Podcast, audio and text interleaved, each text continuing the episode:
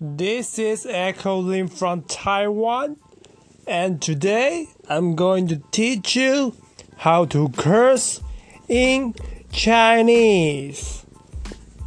Oh, maybe I should say, and today I'm going to teach you how to curse in Mandarin. Okay, so when we see somebody, we call them like, hey, you motherfucker. In Chinese, we say, Wang Ba Dan. So, repeat after me. Wang Ba Dan. Okay? It means, hey, you motherfucker. So, that's it for today. And maybe I will see you guys tomorrow. See ya.